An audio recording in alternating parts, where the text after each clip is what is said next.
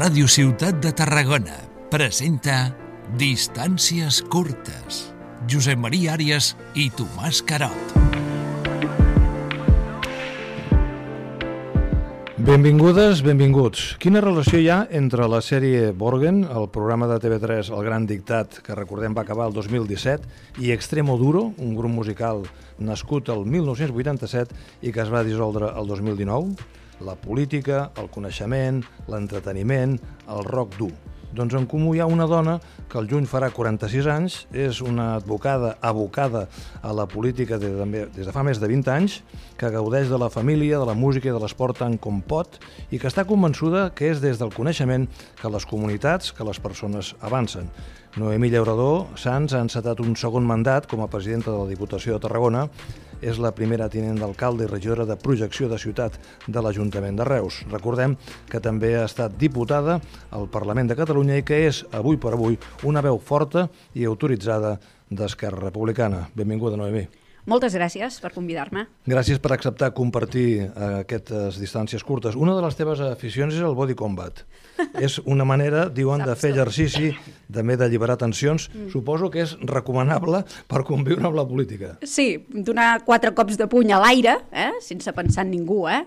eh només per esvergir-te, per fer esport, però ara t'he de dir que m'he passat el pilates i el barrer, que és com una versió del ballet, perquè jo quan era més petita doncs, feia, feia dansa eh, a l'Artis i ara faig barrer i pilates, per tant ara ja no dono cops de puny faig més mindfulness. Si més no, literals. Metafòricament, algun, algun cop de puny? Algun cop de puny sobre la taula a vegades s'ha de donar. Un, parlarem de coses personals, però un, hi ha un apunt d'actualitat que m'agradaria posar damunt de la taula. Esquerra Republicana ha aconseguit tancar aquesta setmana el suport de, del PSC per l'aprovació dels pressupostos de la Generalitat. Uh mhm. -huh. I en el marc de les converses, no en el document, s'ha convingut que el procés per la implantació del hard rock a les nostres comarques no s'aturi. Aquesta penses que és una bona notícia pel sector turístic i per l'economia local en general? Mira, els si arriba, si arriba a prosperar, clar. L'acord pels pressupostos crec que és una molt bona notícia per al conjunt del país, però evidentment també per la nostra demarcació, perquè estem parlant de recursos que vindran doncs, per augmentar un bon servei en educació, en salut, en habitatge. Per tant, això eh, diguem, ens interpel·la a tots, no? a tota la ciutadania i, evidentment, també a la gent que vivim eh, a la demarcació de Tarragona. El tema del hard rock, nosaltres, per exemple, com a Diputació, en el seu moment ja vam fer també una declaració institucional dient, escolta'm, això és un procediment, no? un tràmit que ha de seguir el seu curs, que s'ha de fer amb molt de rigor, perquè en el seu moment doncs ja hi va haver una sentència, de, recordo, no sé si del Tribunal Superior de Justícia o del Tribunal Suprem, que va dir doncs, que, que s'havien de retrotraure algunes actuacions perquè no s'havien fet prou bé i que, per tant, és molt important que això es faci amb rigor i que, per tant, es demanin tots els informes que s'hagin de demanar. Em sembla que se'n van demanar a indústria doncs, per una qüestió doncs, de, de seguretat, no? amb, amb possibles riscos que hi pugui haver amb el, amb el sector químic. Es va fer, es van fer unes indicacions i per tant s'han de seguir aquelles indicacions. Ara s'està pendent d'un informe mediambiental, que és evident que també, no? tenint en compte doncs, tots els condicionants que, que comporta un canvi climàtic, una situació de sequera, un impacte en el territori, en la natura, doncs, evidentment, cada vegada més s'ha de ser més rigorós i, per tant, segueix el tràmit eh, que ha de seguir qualsevol petició per instal·lar qualsevol mena d'actuació en, el, en el territori. I fora dels pressupostos, com bé dius, extrapressupostàriament, s'ha arribat amb aquest acord entre el Partit dels Socialistes i el Govern de la Generalitat, que està doncs, liderat eh, única i exclusivament per Esquerra Republicana, de dir això seguirà el seu curs, com ja venia seguint-ho. I, de fet, el que hi ha coincidència és el que el que hagi de passar passarà a, a dreta llei. Correcte. Perquè ahir, ahir eh, hi havia unes declaracions del Salvador Illa, mm. un altre mitjà de comunicació, sí. en el que deia, si hi ha un informe que diu que no es pot fer, doncs no es farà. És una cosa que sembla de sentit comú, però tal com funciona la política, ja. amb tants elements demagògics i a vegades mm. partidistes, sembla difícil, no?, d'acceptar que el sentit comú ha de prevaldre i la llei ha de prevaldre. L'urbanisme jo vaig tenir la sort de, de treballar als serveis territorials d'urbanisme de l'Ajuntament de Riudoms, perquè jo soc, soc funcionària i en els meus inicis vaig treballar als serveis territorials d'urbanisme d'un ajuntament petit, no? Més aviat, més aviat petit. I l'urbanisme és una matèria molt taxada. És a dir, és molt taxada. Si tu reuneixes els requisits, l'administració no pot fer altra cosa que concedir-te aquella llicència, perquè si no estaria fent una prevaricació. I si es fes una cosa diferent a el que la llei diu, havent presentat tota la documentació i havent ajustat a tot el que doncs, t'has d'ajustar, doncs eh, fins i tot hauries d'incórrer en una indemnització, que són recursos públics. I la Generalitat va dir sovint, i, i ho continua dient, que no hi haurà cap recurs públic per, aquest, eh, per aquesta actuació de, del Hard Rock. Per tant, eh, ni per indemnitzar ni per eh, accelerar-ho, diguem. En aquests pressupostos que parlem, eh, hi han destinats 13 milions per al tramcamp, uh mhm. -huh. que és la primera fase, de, em sembla que són 133. I va i surt l'Ajuntament de Salou i diu que ara que s'ha d'aturar. Eh, quedarà bloquejat això o realment tirarà endavant perquè el compromís de la Diputació i dels ajuntaments de Tarragona i Reus és ben evident, no? Jo estic convençuda que el tramcamp tirarà endavant, que tots els municipis eh, estan a favor de que hi hagi eh, aquesta eh, nova no? manera de moure'ns per, per la demarcació i que crec que revolucionarà la, la mobilitat a, al sud de, del país i en concret doncs, amb, aquests, amb aquests municipis i és evident que ara els municipis doncs, estan fent les seves aportacions, les seves consideracions en el projecte no? i doncs, en el cas de, de Salou doncs, consideren que la part uh, urbanística de, de, de lo que ha deixat no? el, el ferrocarril en, en el seu moment doncs, uh, els hi han de compensar econòmicament i ells fan doncs, les seves aportacions tenint en compte la visió més local, més municipal. Però crec que ens hem d'extrapolar, hem de separar una miqueta el focus i hem de pensar en el conjunt d'aquests municipis i en la mobilitat, que sempre ha estat un punt molt dèbil, eh, d'aquesta societat d'aquí de, del sud de, del país. I jo crec que és una gran oportunitat,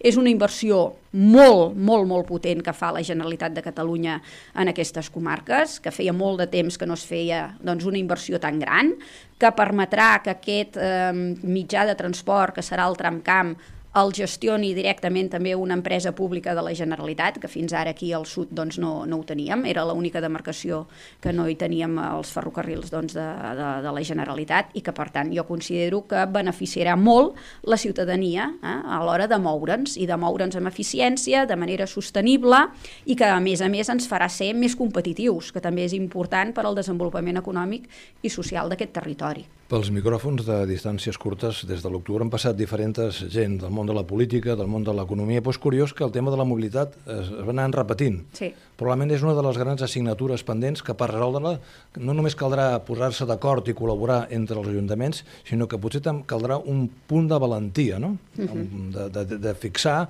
criteris més enllà de que hi pugui haver alguna veu crítica, però que al final el futur passa pel, pel moviment de les persones, pel moviment de les mercaderies, com passa també pel moviment de, la, de les idees, no? Totalment.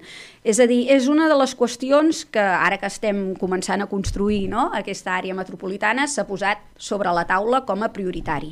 De fet, ja hi ha passos. Eh? Eh, per exemple, ja hi ha aquest pla de mobilitat metropolitana que està en els seus passos previs perquè s'està fent un treball participatiu i hi ha hagut una mena de conclusions d'estudi de, que ho ha fet eh, l'ATM, l'Autoritat Territorial de Mobilitat d'aquí de, del Camp de Tarragona, on hi ha les sis comarques, diguem, que no són les de l'Ebre, de, de, de la província, i en aquest sentit el que s'ha fet és una bona diagnosi i s'ha observat que mm, doncs, majoritàriament la ciutadania d'aquestes comarques ens hem vist obligats a moure'ns sempre amb el vehicle privat. No?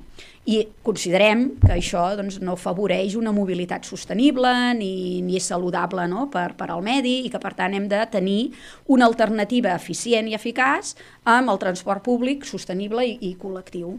I per tant crec que ara és un bon moment per plantejar de quina manera hem d'articular aquesta mobilitat. El tramcamp serà un element primordial, però no només, perquè el tramcamp ens connecta a aquestes ciutats que hem dit, no? Cambril, Salou, Vilaseca i també doncs, Tarragona, la Canonja i, i Reus. No? Però hem de pensar també en l'interior no? i eh, diguem, les línies que hi ha de transport d'autobusos doncs, entre la gent del Priorat i Reus i Tarragona o entre Cambrils i Tarragona. Eh, per tant, hem de veure la globalitat de la mobilitat entesa no només amb el tramcamp, sinó també doncs, amb les línies d'autobús i com fem més eficient eh, moure'ns per anar a treballar, per anar a estudiar, per anar doncs, a dinamitzar econòmicament la, la nostra societat, però també per motius d'oci, per motius de, de salut. Jo sempre poso un exemple perquè jo tinc una neboda que viu al Vendrell i estudia a Reus. Si ho ha de fer en transport públic, mm, potser me sembla que està una hora i quart, una hora i mitja. Eh, es veu obligada a que la portin. Això no, això no ens ho podem permetre, diguem, com a, com a territori. I crec que això ho tenim tots molt, a, molt al cap i ho farem. Ho farem perquè hi ha aquest convenciment i crec que hi ha aquest consens. Bueno, L'horitzó del 2028 és el que sembla que el disseny d'esta mobilitat nova sí. seria la fita de partida d'aquesta nova realitat. El 2028 passen moltes coses, efectivament. Passa doncs, que s'acaben unes concessions, passa que en principi el tramcamp de Tarragona i Reus ja podrà estar en funcionament, Passa també que hi deu haver ja l'aprovació definitiva del que serà el Pla Director Urbanístic Metropolità del Camp de, de Tarragona, perquè vaig sentir ara l'Agustí Serra que compten que en un any ja es pugui fer l'aprovació la, inicial i això també dissenya eh, com seran les infraestructures i per tant també la, la mobilitat. Per tant, tampoc no queda tant per veure una transformació real d'aquest territori que fins ara, doncs, eh, per A o per B, és igual això, eh? ara ens hi posarem, doncs en tema d'infraestructures té com una mena de garbuix que no facilita la vida a la gent. I al final el que hem de tenir tots clar, que hem de facilitar la vida a la gent i millorar-ne la seva qualitat de vida. I el transport, que és una cosa tan diària i que ens movem tantes vegades no? d'un municipi en l'altre, això ha de ser prioritari ha de ser prioritari. Dèiem a la introducció que fa és el segon mandat que encetes com a presidenta de, de la Diputació. La Diputació és una finestra privilegiada mm. per observar el territori, per parlar amb el territori, per parlar amb tots els municipis. Fa poc presentàveu el, el Pla Impuls d'IPTA mm. amb una aportació de 148 milions d'euros. Sí. Eh, i introduïa una novetat, no? Una novetat sí. que era el criteri de, de la, del de, despoblament. despoblament. Sí. És un dels altres problemes. Abans feia referència a la realitat de l'interior. Totalment.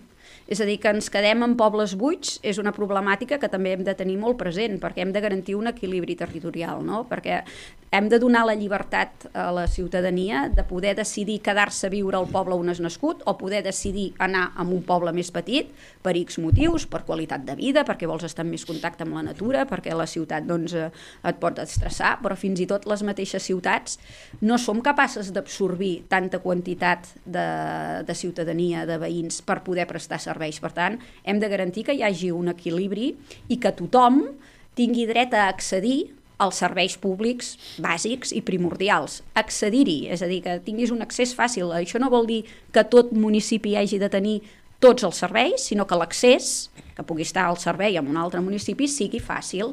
Això ho podem aconseguir a través de físic, no? a través de les vies de, de comunicació i ara darrerament també a través de la fibra òptica. A mi que em perdonen els alcaldes i les alcalderes dels municipis, però potser hem de canviar de paradigma. Venim d'uns anys en el que eh, l'aspiració era tenir una piscina, tenir un poliesportiu a cadascun dels municipis, fins i tot alguns més agosarats van eh, voler tenir un polígon industrial, i tot això no va acabar desenvolupant-se i al contrari es va convertir, convertir en una càrrega. Cal repensar com han de ser els municipis. Jo sempre explico una anècdota del municipi de la Febró, uh mhm. -huh. resulta que eh, van posar en marxa el, el banc de terres sí. amb èxit uh mhm. -huh. de demanda, però la gent que arribava deia, i on viuré? i tenien un dèficit d'habitatge. És a dir, probablement ha de ser una actuació, diguem-ne, molt transversal per aconseguir això que dius tu, garantir el dret de quedar-te, uh -huh. o el dret de moure't i de, i de fer el teu projecte personal, el teu projecte de vida, uh -huh. i potser recuperar part del drama que estan patint el sector agrari, no? amb problemes de mercat i amb problemes de relleu generacional. Totalment, totalment. Crec que la Diputació de Tarragona és una molt bona eina per a aquests municipis petits i així eh, se'ns reconeix quan nosaltres els anem a visitar, perquè això sí que ho fem. Ens agrada molt anar a veure doncs, quines inversions han pogut fer gràcies als recursos de la Diputació i ens plantegen les qüestions que ara mateix eh, comentaves, no, Josep Maria? És a dir, el tema de l'habitatge doncs és una de les problemàtiques, perquè ja hi, ja hi viuria gent eh, en aquells pobles, però què ens passa? No? Doncs que moltes de les vivendes doncs, són de propietaris doncs, que no viuen allí, que no es plantegen vendre-les, eh, moltes doncs, són cases velles, són cases antigues que s'haurien de rehabilitar. Avui en dia, sobretot generacions més joves, doncs, busques un determinat habitatge que no és el de fa uns quants anys, que eren aquelles cases unifamiliars no? de 4 o 5 pisos, sinó que busques uns pisos que siguin una miqueta més, eh, més accessibles. Per tant, tot està canviant i hem de poder oferir doncs, eh, aquest habitatge amb, amb aquestes generacions que potser sí que es plantejarien quedar-se o fins i tot doncs, anar-hi a viure perquè doncs, poder-hi treballar sí que pot ser fàcil no? a través de, de la xarxa, de la fibra òptica, de pots teletreballar, etc etc. però hem de poder garantir això, que hi hagi habitatge i per tant en aquest sentit una visió potser més àmplia i enfocant no? amb un focus una miqueta més allunyat ens permetrà doncs, fer polítiques amb una visió més de conjunt. De fet, això és una miqueta el que es planteja en aquesta àrea metropolitana, no? de, de planificar veient, diguem, l'àmbit territorial d'una manera més àmplia i no concretar-nos tant amb cada un dels municipis i amb els termes municipals d'aquests municipis. Les millores de la xarxa viària de tots mm. aquests uh, pobles eh, d'alguna manera mm, responen o, o han, han estat un bon revulsiu per a la dinamització de tots aquests pobles Totalment. i comarques. Això va passar fa uns anys. Ara seria la, la fibra el que eh, es necessitaria per a aquesta dinamització i s'ha de considerar tot això dins de la sostenibilitat i no solament eh, l'energia i totes les coses més tradicionals, és a dir, la sostenibilitat de continuar la vida en poble. I tant. Amb dues coses són necessàries. Eh? La xarxa de comunicació viària també és molt important. De fet, nosaltres, la Diputació, tenim una xarxa de carreteres mm-hmm. eh, de la Diputació doncs, molt extensa, de molts quilòmetres, que a més a més també vam fer un acord, un conveni amb la Generalitat i algunes eh, se'ns van traspassar amb el pla zonal, es va determinar quines passaven, quins camins també municipals passaven a incorporar-se també a la xarxa de carreteres. Crec que amb un molt bon servei, no només de manteniment, sinó també de noves noves carreteres que s'estan construint i també és una de les qüestions que els ajuntaments ens valoren positivament i que la ciutadania, quan sap que aquelles carreteres són de la Diputació, perquè no sempre se sap que allò és de la Diputació, aquí sí que hi ha un cert de desconeixement, doncs es valora positivament. Evidentment que la fibra òptica també l'hem de pre preveure, no? I per això, doncs, quan fem carreteres de la Diputació o quan les estem arreglant, doncs deixem el pas, no?, perquè pugui eh, passar la, la fibra òptica pública. Per tant, la sostenibilitat del territori és poder garantir insisteixo, l'accés a aquells serveis públics bàsics que tota ciutadania té en un municipi més gran i que un municipi petit també ha de poder eh, oferir, perquè si no no es fa atractiu de, de poder-s'hi de poder quedar. I un servei bàsic és l'habitatge. Uh -huh. Promoure habitatge públic des de la Diputació uh -huh. a través d'aquests municipis uh -huh. és, Nosaltres... és possible? Nosaltres tenim unes línies eh, de suport als municipis perquè en els que tinguin propietat eh, municipal o que els hi hagin cedit en un cert temps eh, prudencial, els puguin rehabilitar per oferir-los per habitatge social i ara no només per habitatge social sinó també per combatre el despoblament, és a dir, per, per poder-los oferir i que la gent es pugui quedar eh, a viure-hi. Això va començar eh, potser fa un parell de mandats amb una partida, amb una quantia doncs, bastant testimonial i ara mica en mica s'ha anat augmentant aquesta partida i és una de les subvencions que es demanaven molt eh, per part dels ajuntaments i que ara hem inclòs en aquest pla Impuls d'IPTA d'aquests 148 milions i mig eh, en 4 anys que amb el que busquem sobretot és simplificar-los els tràmits als ajuntaments i que no hagin d'estar pendents de totes les convocatòries, sinó que a través d'un conveni ells ja ho puguin planificar i saber doncs, eh, d'entubi què podran fer amb aquests diners que els hi corresponen per part de, de la Diputació. La Diputació no només dona suport als petits municipis, cosa que ja em penso que ha quedat bastant clara, sinó que també teniu projectes que impliquen a les grans ciutats, a Tarragona i a Reus. No hi ha gairebé persona o administració que no tingui una assignatura pendent. I en el cas de la ciutat de Tarragona hi ha, hi ha la Sabinosa. A l'anterior mandat ja la Diputació, mm, sota la teva presidència, va fer un pas endavant. Sí. Estic molt contenta. Segueix el procés, realment acabarem veient el projecte de transformació i de recuperació d'una finca extraordinària al litoral de la ciutat de Tarragona? El que primer veurem serà aquell camí de ronda, eh, que vam anunciar també i ho vam fer de manera conjunta. Crec que és molt important que totes les administracions vam estar d'acord no, en què faríem a la finca de la Sabinosa. Total, la finca de la Sabinosa és propietat de la Diputació, però és veritat que està ubicada en un municipi, que és Tarragona, i per tant que l'Ajuntament de Tarragona també hi ha de poder dir la seva, i d'altra banda s'ha d'aprovar urbanísticament per la Generalitat. Però és que a més a més incorporàvem l'Estat, perquè el camí de ronda, doncs, evidentment, eh, té influència amb costes i això depèn doncs, del Ministeri de, de l'Estat. I per tant el que primer veurem serà aquesta connexió entre les dues platges a través d'un camí de ronda que serà molt naturalitzat, és a dir, no volem fer un passeig marítim, sinó que volem fer un camí de ronda. Per tant, no intervenint excessivament la mà de la persona, diguem, en, en la connexió d'aquestes dues platges. Això serà el primer que veurem. Eh, aviat podrem donar notícies al respecte i paral·lelament també estem treballant amb el que ha de passar dins de la finca de la Sabinosa, que van plantejar doncs, que volien fer aquest hub cultural no? i que, per tant, un de, dels motors que nosaltres observem que tenim en el territori i que hauríem de poder desenvolupar és precisament el que fa referència a la indústria cultural. Hi ha molta creació cultural al nostre territori, hi ha molta gent que es dedica a, a la cultura i que pot estar molt bé que al sud del país doncs, eh, se'ns vegi també com a referent de creació cultural i això ho hem de poder fomentar i aquest hub de la Sabinosa eh, el pot afavorir. Eh, eh, respecte a aquest hub cultural, esteu parlant ja amb, amb la gent del sector? T'ho dic perquè per aquests micròfons van passar l'Oriol Grau, el Joan Reig, ah, sí, dos bé. artistes, diguem-ne, en, en disciplines diferents, i tots just, els dos coincidien en, la, en el potencial uh mhm. -huh. del territori, però amb la necessitat d'articular-ho i, de, i de donar-hi facilitat. Jo no sé si la Sabinosa pot ser una de les palanques. Eh, ho esteu comentant, esteu parlant amb la gent? Una de les qüestions que vam abordar en el mandat passat, eh, just sortir de, de la pandèmia, vam fer com una mena de fòrum on hi havia doncs, creadors culturals de les diferents disciplines on van poder interactuar, se'ls va informar dels ajuts que hi havia per part de la Diputació, etc etc. Un dels més importants i més ben valorats aquells ajuts que fem a microempreses i a persones autònomes de l'àmbit cultural, i allí es van crear unes sinergies molt interessants dels quals van sortir projectes no? de, de connexions entre diferents disciplines artístiques per fer projectes i per tant va ser molt, molt beneficiós i molt positiu. Crec que ho anirem anant repetint cada X temps, cada dos, cada tres anys i crec que és important que evidentment el sector cultural pugui dir la seva eh, quan desenvolupem eh, funcionalment el que hi haurà dins d'aquest hub cultural. Nosaltres estem pensant doncs, en un auditori, no? que hi hagi un auditori, que hi hagi també la possibilitat de que hi hagi una residència de creació artística, que no vol dir res de, de, de residència de, de poder-s'hi quedar a dormir, eh? sinó que residències per, per crear, perquè hi hagi aquestes interaccions, crec que pot ser molt positiu i que també hi puguin haver doncs, els serveis de cultura que té la, la Diputació per fer-n'hi allí un, un acompanyament hi haurà un espai de recreació de memòria històrica del que va Això ser Això també ho estem valorant, sí. Perquè, esclar,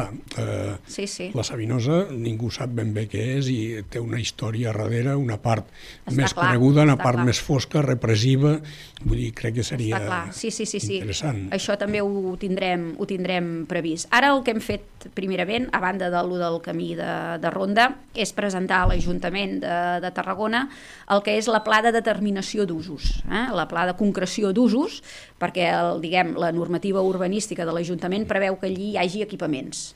I nosaltres el que diem és, efectivament, hi haurà equipaments, seran equipaments públics, seran equipaments de la Diputació de, de Tarragona, per tant, no hem hagut de plantejar cap modificació urbanística, perquè els usos són els que són, però sí que se'ns demanava la, la concreció, i la concreció són aquests usos culturals.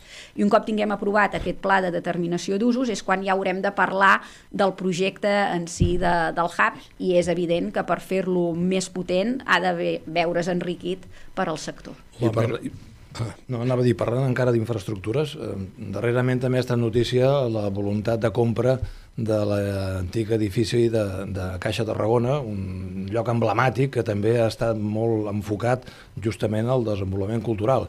Això hi ha hagut gent que no, no ho ha entès. No sé si val la pena fer algun tipus d'aclariment de quines són les intencions que té la Diputació, que no són només augmentar el seu patrimoni, no, no. És un lloc emblemàtic perquè, clar, la Caixa de Tarragona inicialment era la Caixa Provincial de Sí, sí. Tarragona, per tant, era la Caixa de la Diputació de Tarragona. Jo encara me'n recordo d'això, Sí, eh, sí. d'haver vist el nom de Caixa Provincial. Bueno, llavors, què va passar aquí? Doncs eh, que en un moment determinat s'adquireix l'edifici contigu, el de Caixa Tarragona, eh? I allí tenim serveis de la Diputació. Allí tenim doncs, des del servei d'atenció al municipi, el servei del territori, també hi ha oficines de base, tenim un auditori que, per cert, doncs, també eh, acull esdeveniments molt exitosos, com el cicle de, de muntanya, que darrerament estem fent cada, cada dijous, precisament. I, I, per tant, què es va fer? Quan es va adquirir aquell edifici, crec que amb molt bona visió i amb molt bona doncs, eh, vista i estratègia, doncs el president Poblet i l'equip de govern de, del moment va dir, escolta'm, reservem-nos el dret de tanteig i retracte de l'edifici just del costat, perquè si això mm, volem créixer i després eh, volem fer venir més serveis de la Diputació al costat mateix dels que ja haurem instal·lat eh, allí, doncs eh, serà un avantatge mm, pel que fa doncs, eh, al tema d'adquirir-ho amb un preu mm, Raonable. raonable. Què és el que ha passat? És a dir, el dret de tanteig i retracte vol dir eh, si hi ha algú que vol comprar aquell edifici pel mateix preu que ofereix eh, aquell comprador, la, la Diputació s'hi pot subrogar i quedar-se'l pel, pel mateix preu. I és el que ha passat. Nosaltres aquest edifici, a més a més, el teníem taxat més alt, eh? el teníem taxat per 7 o 8 milions eh, d'euros i l'adquisició eh, ara és de 4 milions i mig. Per tant, raonablement és una, és una bona oportunitat, més amb la vista que això ja es va fer per poder-hi traslladar eh, aquests, aquests serveis. I el que volem fer és fusionar el que seria la seu corporativa amb la seu doncs, eh, operativa. Eh? I per tant eh, traslladarem serveis de, de la Diputació ho centralitzarem, la plaça Imperial Tàrraco doncs, es converteix en un centre també eh, administratiu i públic eh, considerable, eh, com la City, i per tant allí podrem prestar molt millor els serveis, perquè també teníem necessitat de, de major espai, s'havien plantejat fins i tot en la seu on estem actualment, allà al passeig de Sant Antoni, eh, fer-hi obres perquè doncs, necessitàvem més, més espai. Eren més elevades les obres, el valor de les obres que s'havien de fer en el Palau Municipal, eh, estàvem parlant de 10-12 milions d'euros, i per tant eh, ara crec que serà molt més eficient el que estem, el que estem plantejant. I en l'edifici on actualment hi som, doncs evidentment estem plantejant que hi hagi la seu representativa, institucional, el saló de plens on podrem fer les reunions de govern, on hi hagin els despatxos dels grups polítics, etc etc, o fins i tot algun altre servei més de, de la Diputació. A les Terres de l'Ebre es queixen de que, i més ara que han hagut d'abandonar la seu de la Diputació allà, que era un espai de lloguer, que no hi ha inversió en patrimoni i tenir una pròpia seu.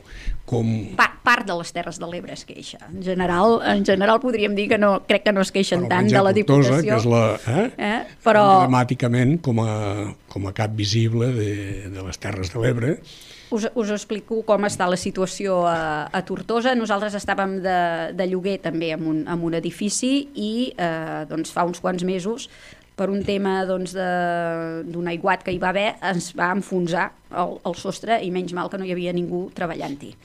Llavors, eh, evidentment, vam haver, de, vam haver de marxar, vam haver de, de liquidar diguem, el contracte de lloguer que teníem, vam poder recol·locar la, els treballadors i treballadores amb altres dependències que tenim a, a Tortosa, perquè també tenim oficina de, de base, per tant vam poder doncs, eh, reubicar eh, el personal, que és el més important en, en aquest moment, i doncs, ara mateix ja estàvem en, en tràmits per trobar un altre espai que aviat també podrem comunicar de manera provisional, perquè també serà de lloguer, però serà una provisionalitat que jo dic estable, és a dir, estable en el temps. Serà, eh, i serem, i és un lloc, crec, emblemàtic també de la ciutat, amb un lloc cèntric, i que a més a més doncs, eh, refirma el compromís de la Diputació amb tenir seu en tres llocs. Jo diria que és de les poques diputacions que tenen seu en tres llocs de, del territori, perquè normalment les diputacions són molt provincials eh? i estan a la capital i punt. I en canvi la Diputació de Tarragona doncs, tenim seu a Tortosa, tenim seu a Reus i tenim seu a Tarragona.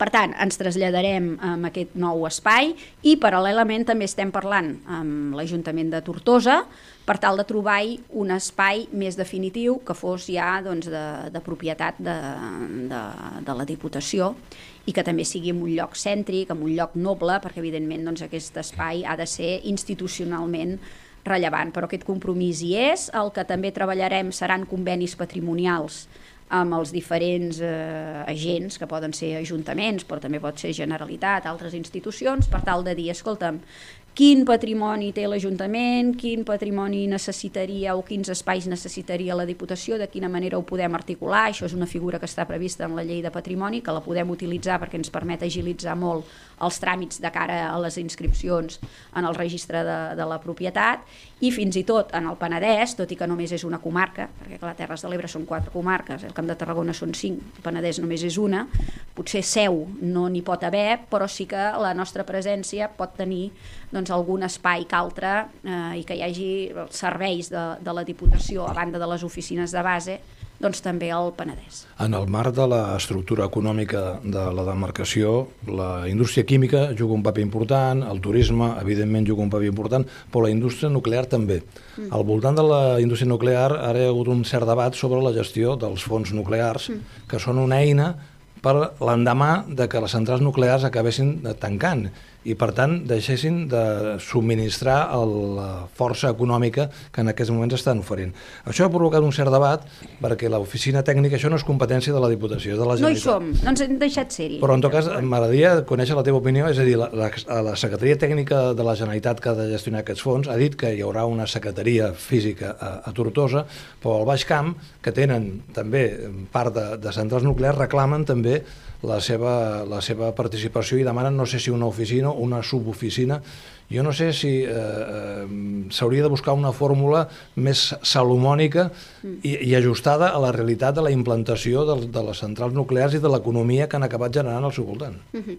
A vegades eh, ens potser ens centrem excessivament en qüestions que són més al continent de on se prendran les decisions i no tant, no tant en el contingut. Jo crec que és més important centrar-nos en el contingut i que, per tant, la veu de la comarca del Baix Camp també pugui ser escoltada i els projectes que tinguin en ment no? per tal de vehicular aquests fons que venen dels fons de transició nuclear doncs tinguin una repercussió en el desenvolupament econòmic del territori. Per tant, potser no és tant tenir una oficina, sinó poder incidir i poder tenir veu i i que sigui escoltada aquesta veu. Per tant, jo sempre poso més èmfasi no? en les qüestions de fons que en les qüestions de forma. I a vegades les qüestions de forma acaben pervertint excessivament, ens perdem amb els formalismes i se'ns perden oportunitats de, de fons. No? Per tant, jo crec que és important que, evidentment, la comarca del Baix Camp també pugui, pugui dir la seva amb quin han de ser els projectes eh, que volen doncs, eh, vehicular a través d'aquests fons de transició nuclear. Mira, un exemple que crec que és molt positiu i que pot ser doncs, modèlic és el que estan fent al Priorat eh, al Priorat eh, hi ha una voluntat no? de, de, de transformació també de, del, del seu territori en base doncs, a les DOs, amb el vi, amb l'enoturisme i per tant eh, segur que amb aquests fons de transició nuclear, que una part també eh, els hi correspon, podran eh, articular projectes amb una visió àmplia, de, almenys mínim eh, comarca i no excessivament local, no? De, de, de municipis massa concrets, sinó tenir projectes de, de territori. El Priorat té projecte de territori, sap cap on va i pot ser doncs, un molt bon model a, a seguir. La Diputació en els pressupostos d'enguany té previst una despesa o inversió de 1.300.000 euros en, en energia fotovoltaica. Eh, això és l'inici del desenvolupament i desplegament d'una política en aquesta línia d'energia de, sostenible i d'energia renovable. Això de les energies renovables hi apostem clarament, no? però eh, diguem no a qualsevol preu. Per tant, sempre amb la participació del món local, crec que és imprescindible. Ara parlàvem del Priorat, no? i el Priorat ho té molt clar, és a dir, sí, evidentment que necessitem energia verda, clar que hi apostem, però això ho hem de fer d'una manera equilibrada també en el, en el territori i veient també quines prioritats eh, tenim cada un d'aquests territoris. Per tant, que es dongui veu i que hi hagi autonomia local i parlar també de comunitats energètiques més eh, d'àmbit local i no grans eh, línies com podria ser la, la MAT, en el qual ja sabeu que la Diputació va donar suport als Consells Comarcals i als municipis que d'aquella manera no ho volíem. Però sí que, evidentment, des de la Diputació ja apostem clarament per la transició energètica. De fet, prioritzarem que en aquest suport a través d'aquesta eina de cooperació, aquests 148 milions i mig, prioritzarem allò que vagi encaminat a fer una transició energètica, a ser més sostenibles ambientalment i per tant eh, i, i, i disposem d'uns recursos eh, importants perquè els ajuntaments doncs, eh, els puguin dur a terme. I a més a més, crec que tampoc no ho haurem de fer sols, Diputació i Ajuntament, sinó que en aquest cas també hi ha l'empresa energètica de, de Catalunya, de, del país, en el qual doncs, també evidentment hi haurem de tenir relació per tal d'impulsar-lo. La Noemí no només és presidenta de la Diputació, sinó que és primer tinent d'alcalde de l'Ajuntament de Reus i regidora de projecció de ciutat. Mm. Una de les darreres accions, diguem-ne, que han tingut més impacte a l'opinió pública i als mitjans de comunicació ha estat la campanya de Nadal. Mm. Jo no sé si la valores eh, de forma satisfactòria i, d'altra banda, quins són els següents passos per a aquesta voluntat que tenen totes les ciutats, si és de projectar-se més enllà del coll de la camisa. Molt bé. Doncs estic molt contenta amb aquesta àrea, eh, és una àrea molt àmplia. Les polítiques de projecció exterior de la ciutat crec que són unes polítiques que tenen molt recorregut i que poden afavorir moltíssim a la dinamització econòmica d'una ciutat, d'un territori. Reus darrerament potser no havia apostat prou no? per projectar-se de cara a l'exterior, per X motius, a vegades doncs, per crisis que hem tingut, econòmiques, pandèmiques, etc. I ara crec que és un bon moment per projectar-nos més cap en fora. Què vol dir això? d'explicar quines potencialitats té la ciutat, explicar que Reus és una molt bona ciutat per viure i com que és una molt bona ciutat per viure perquè té serveis públics de qualitat, perquè tindrà infraestructures properament potents com l'estació de Vallissens, com l'estació d'Intermodal, doncs molt a prop, perquè té un aeroport, eh, perquè tindrà el tramcamp, etc etc, perquè tenim serveis públics d'empreses públiques que funcionen molt bé, com és aigües, com són els serveis funeraris, perquè tenim uns carrers bienalitzats que conviden doncs, a comprar amb un comerç que sempre ha estat d'excel·lència eh, a la nostra ciutat, perquè tenim un patrimoni modernista fantàstic, perquè tenim la cultura, tenim els teatres, perquè tenim perquè és una molt bona ciutat per viure, això ho hem de poder explicar, també perquè és bona per visitar-la i per tant atraiem visitants eh, no només turistes, sinó visitants que poden ser de turisme congressual, que pot ser de turisme d'esdeveniments esportius, que pot ser doncs, un turisme més de, de, de gent més gran, tenim molta gent que ens ve doncs, de, de l'Inserso i que ens visita. Ens hem convertit d'una ciutat de day trip, que es diu, no? que era la gent que estava allotjada a Salou i Cambrils i venia doncs, a la tarda a fer quatre compres i se n'en tornava, a ser una ciutat ja d'escapada, és a dir, que la gent ja ens veu com per poder passar dos, tres dies, un cap de setmana llarg. Això afavoreix l'economia dels comerciants, de la restauració, de l'oci, dels serveis. Per tant, això és positiu per la ciutat. I d'altra banda, també és bona perquè la gent, les empreses, els negocis vulguin venir a invertir a Reus i per tant també es pugui generar ocupació de, de qualitat. Això és el que hem de fer ara posar èmfasi en quines són les nostres potencialitats, oferir-les i atraure aquestes inversions, aquests visitants i aquests residents. Això no es fa només des d'un de, des consistori, des d'una administració.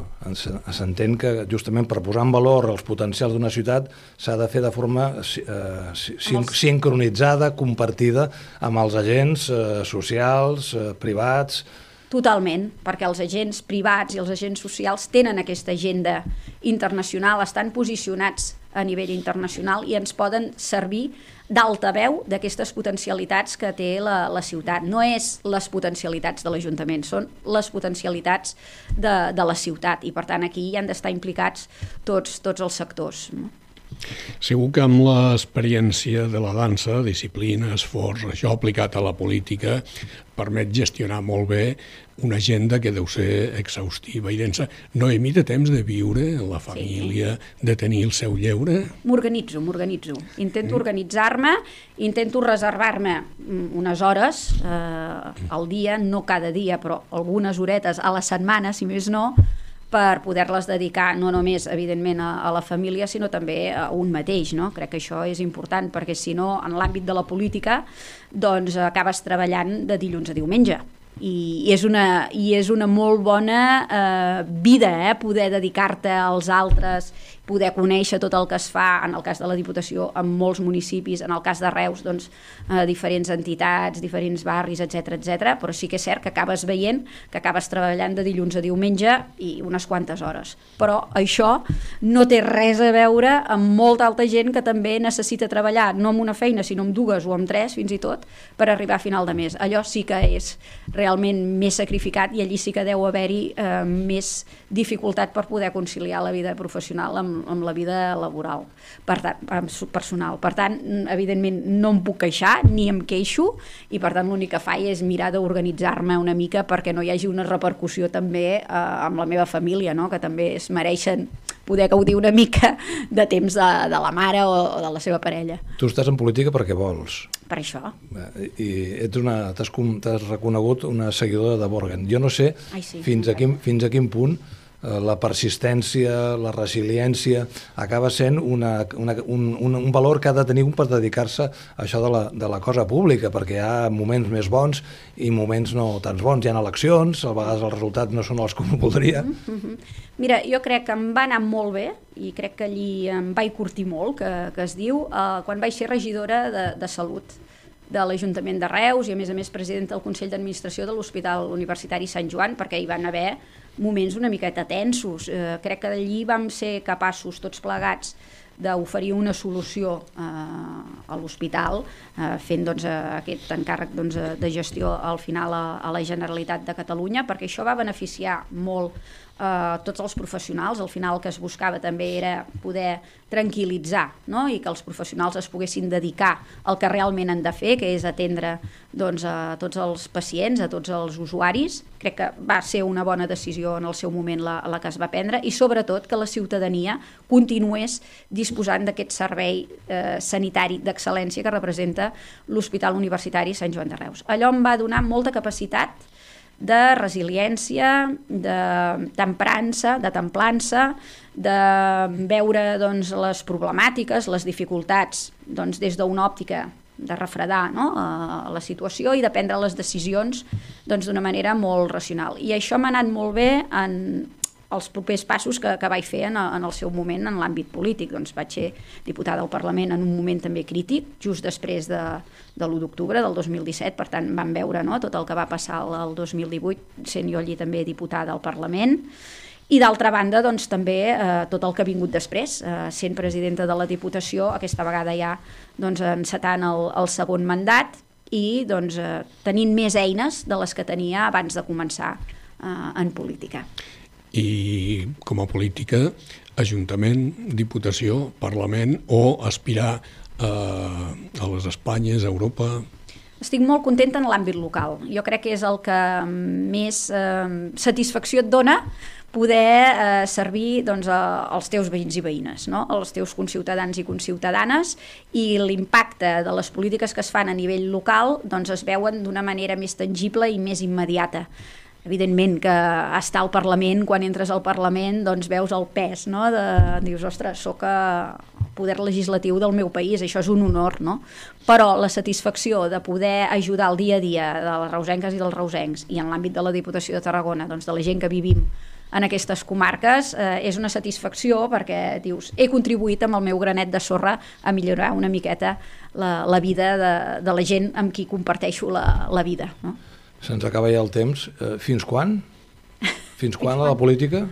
Doncs és una qüestió temporal, eh, fins que la gent vulgui, diguem, no? Eh, jo sóc funcionària de, de la Generalitat de Catalunya, per tant jo estic en una situació de serveis especials, per tant, quan decideixi eh, puc tornar a la meva feina que també m'omple, també servei públic, a més a més, vull dir, eh, una cosa és des de l'àmbit funcionarial i l'àmbit polític, però estan íntimament connectats, per tant, de moment em sento amb energia per poder continuar prestant aquest servei des d'aquesta vessant, us dic, de moment m'enriqueix, de moment m'omple, suposo que una mica com va dir el Pep Guardiola, no? fins que et buidis del tot i quan perceps que ja t'has buidat del tot és quan has de fer una retirada. Jo ara, de moment, em sento amb, amb energia per continuar. No et veiem gaire buida, sincerament.